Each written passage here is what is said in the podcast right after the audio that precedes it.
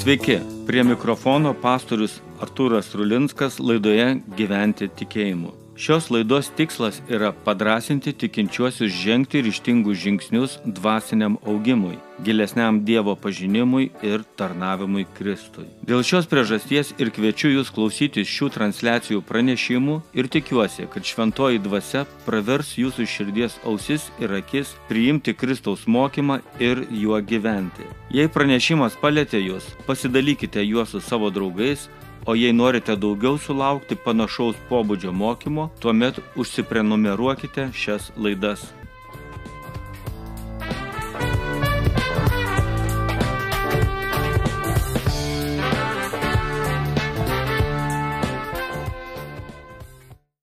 Sveiki, brangieji. Teologiniai priminimai gyvenimo sustojimuose. Mano keliuose nepražūsi, nes aš nesikeičiu pagal pranašo Malachijo trečią skyrių šeštą eilutę. Aš esu viešpats ir aš nesikeičiu, todėl jūs, Jokūbo vaikai, nepražuvote. Štai dabar esame sustojime, kuriame viešpats mums primena ne tik, kad mums geriau laikytis keliavimo per šį gyvenimą nustatytų taisyklių, tačiau jis mums kalba ir apie tai, kad keliaudami Dievo keliais tikrai nepražūsime. Verčiau yra keliauti pagal taisyklės ir tais keliais, kuriais mums viešpats rekomenduoja. Skaitant šią eilutę man į galvą šovė mintis. Dievas yra senas. Be abejo senas, nes jis yra amžinas. Taip man atsakysi. Vis dėlto su senatve mes dažniausiai siejame tiek fizinį, tiek protinį silpnumą. Taip pat seną lengva perkalbėti ir galbūt palengti į savo pusę. Vien tik mūsų valdžia nemažai kartų yra apgavusi pensininkus ir išsisukusi, ir tai dėl to, kad senatvėje žmonės yra pasivesni, mažiau kovoja už teisybę ir savo teises, dažniau sutinka su įvairiais reikalavimais, yra labiau nuolaidus. Vis dėlto šis senatvės apibūdinimas Dievui netinka. Dievas yra senas, tačiau jis nesikeičia nei savo galiomis, nei kūrybiškumu, nei charakterio būdu, nei pažadų vykdyme. Dievo senumas yra patikimas pastovumas.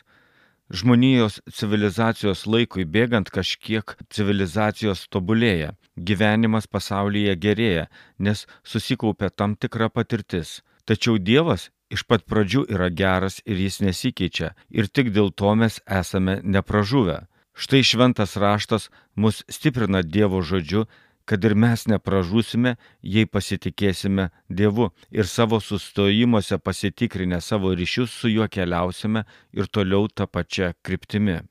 Paskaitysiu keletą skaitinių iš psalmių. Buvau senas ir pasenau, tačiau nemačiau nei Dievo palikto teisėjo, nei jo vaikų prašančių duonos. 37 psalmė 25 eilutė ir iš 92, 13, 14 taip yra parašyta. Teisėjai žaliuoja lig palmės ir auga lig Libano kedrai. Pasotinti viešpatės namuose, jie žaliuoja mūsų Dievo kiemuose. Ir žiloje senatvėje jie neša vaisių, visada žalių ir sultingų, liūdydami, koks teisus viešpats, mano ola, nes nėra jame įdos. Dažniausiai bijome ateities, nes senatvėje galime neturėti jėgų, žinoma, tada pats aktualiausias klausimas mums yra, O kas mumis pasirūpins, kas mums duos maisto, ar turėsime vietą, kurioje galėsime ramiai, šiltai ir saugiai gyventi. Jaunas tai išsisuksiu, o kaip bus senatvėje? Psalmių knygoje senas keliautojas kelionės pabaigoje nesu dideliu vargu pasiekė finišą, nesugriūdamas iki negalėjimo, tačiau netgi duodamas vaisių, rodydamas pasitikėjimo pavyzdį Dievu, gyvena teisiai, net jei neteisumas aplink jį. Senas keliautojas netgi tampa labiau panašus į viešpatį, jo žila galva yra gerbiama, o jaunieji pasi ieško išminties. Be abejonės kyla noras pasiginčyti, o kodėl aš negaliu keliauti tais keliais, gyventi savo gyvenimo taip, kaip aš noriu, o ne kaip kažkas kitas nori. Juk aš turiu laisvą valią pats nuspręsti, kokiais keliais keliausiu. Šitos laisvos valios viešpats mums neatima. Ir žinoma, jis leidžia žmogui eiti savo keliu, dirbti savo darbus, džiaugtis savo pomėgiuose, išnaudoti savo laiką. Tačiau jis negali suteikti garantijų, kad tokiu gyvenimu pavyks pasiekti galutinį kelionės tikslą. Izraelitai, kaip rašo pranašas Malachijas, atsitraukė nuo Dievo įstatų ir nebesilaikė jų. Taigi, Izraelitai darė tai savo laisvą valią ir jie gali taip gyventi. Tačiau argi yra verta tolti nuo Dievo ir gyventi nesilaikant jo žodžio? Bent jau šie žmonės, kurie tik tais prieš šimtą metų grįžo iš Babilono trimties, dar turi šią istorinę atmintį. Taigi dabar jie dar yra apsaugoti viešpatės malonę, nes nutolę dar nepražuvo kaip jų tėvai. Mums šiame sustojime pagrindinis teiginys, į kurį mes turime kreipti dėmesį, yra aš esu viešpats ir aš nesikeičiu. Tai ir mes labiau stadydinkimės ne ant paslankių dalykų, kaip smėlis ar žvyras, tačiau ant tokių, kurie yra tvirti ir gali būti mūsų gyvenimo pamatu. Išlikdamas viešpats toks, koks buvo, yra mums patikimas ir mes tai žinome. Geriau siekime jį geriau pažinti, išmokime, pasitikėti ir tarnaukime jam. Teologiniai priminimai gyvenimo sustojimuose Sugrįžkite į kelią, iš kurio išsukote ir aš sugrįšiu. Skaitau Malachio trečios skyriaus septintą eilutę. Nuo pat savo protėvių dienų jūs atsitraukėte nuo mano įstatų ir nesilaikėte jų. Sugrįžkite pas mane ir aš pas jūs sugrįšiu, sako galybių viešpats. Bet jūs sakote, kaip mes grįšime. Šį pavasarį turėjau sustojimą, nes kurį laiką buvau pasimetęs. Dėl pandemijos viskas uždaryta, susitikimai uždrausti, baimė užsikrėsti arba užkrėsti tokia didelė, kad net nebelankėme artimųjų, tėvų, senelių. Man pradėjo rodytis, kad prarandu savo vietą, kad aš slystu nuo tarnavimo bažnyčioje kažinkur, kad patekau į kelią vedantį tolin nuo pašaukimo. Štai tuo metu man į rankas papuolė filosofinė knyga, kuri padarė didžiulę įtaką vėl viską sustatant į vietas. Fransas Kafka romane Procesas aprašo istoriją, kurią katedroje tarnaujantis kunigas pasakoja kaltinamajam Jozefui K. Istorijoje sodėtis, mūsų kalboje tai būtų ūkininkas, kaip ir daugelis kitų žmonių, veržėsi į įstatymą, kuriame yra šviesa, tačiau į įstatymą įeiti negali, nes ties vartais stovi durininkas ir jo neleidžia. Metų metus sodėtis stengiasi įvairiausiais būdais įeiti į įstatymą, mėgina papirkti durininką, pykstant jo, keikėsi, tačiau viskas atrodo yra beprasmiška, jis taip ir lieka prie durų už įstatymų. Jau sodiečiui pasenus ir merdėjant jis užduoda durininkui paskutinį klausimą. Kodėl per tokią daugybę metų Niekas netėjo prašyti įleidžiamas. Čia jam durininkas atsako, niekas daugiau negalėjo būti pročiai leistas, nes šie vartai tau vienam buvo skirti. Taigi, istorijoje sudėtis neįeina į įstatymą pro specialiai jam skirtus vartus, dėl į tarnybą paskirto durininko, kuris taip pat visą gyvenimą stovi, nori, kad sudėtis įeitų į įstatymą, tačiau įleisti jo negali. Išgirdęs šitokį pasakojimą, Jozefas kaip pasipiktina durininku, įstatymu ir netgi pačiu kunigu, kad šis tokias kvailas istorijas pasakoja. Tačiau dar prieš išeidamas iš katedros pakamantinėja kuniga apie jam atrodantį neteisingą įstatymą, neteisingą durininko elgesį ir neteisingą sodiečio likimą.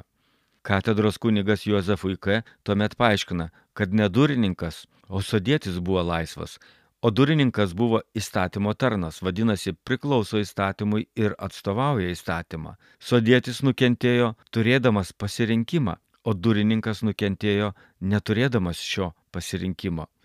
Kita vertus, durininkas už tarnybą gaus atlygį, o sodėtis patirs įstatymo netekti. Jis sako, būti pririštam, bent jau tarnybos prie įstatymo vartų yra nepalyginti daugiau negu laisvam gyventi pasaulyje. Sodėtis tik ateina prie įstatymo, o durininkas jau yra tenai.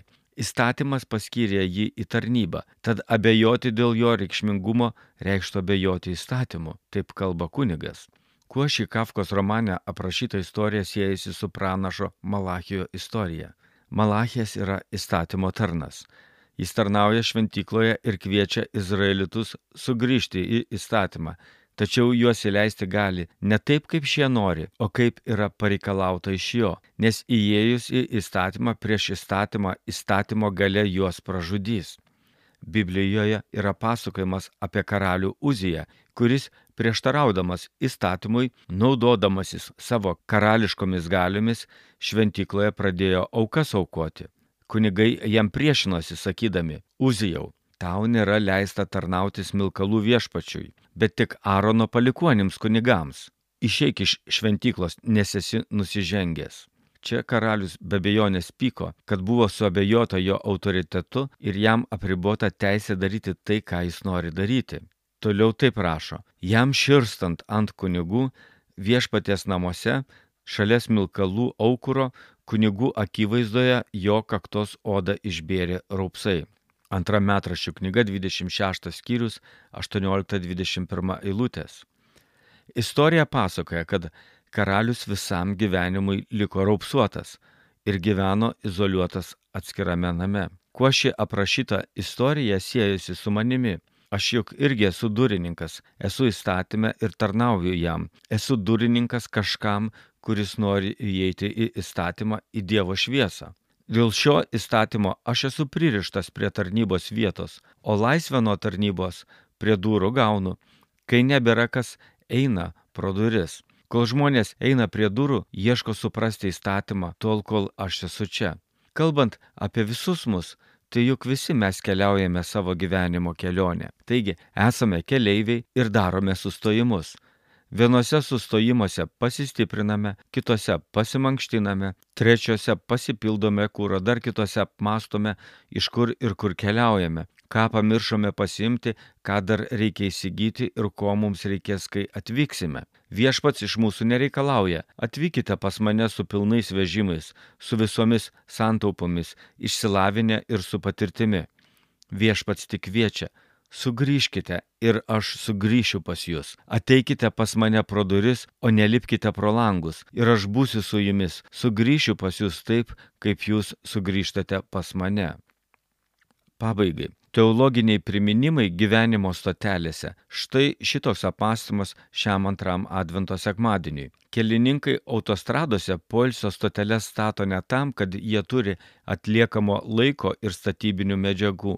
Stotelės yra kelionės dalis. Todėl keliaujant poilsis, mankšta, pasistiprinimas, prasiblaškimas ir visi kiti dalykai yra numatyti žinant mūsų prigimti ir mūsų poreikius ant sustojimų mes nepykstame. Jei jie mums yra nereikalingi, tiesiog pravažiuojame. Štai ir mes šį sekmadienį tie, kas sustojame. Tai šiame sustojime prisiminkime šias tiesas.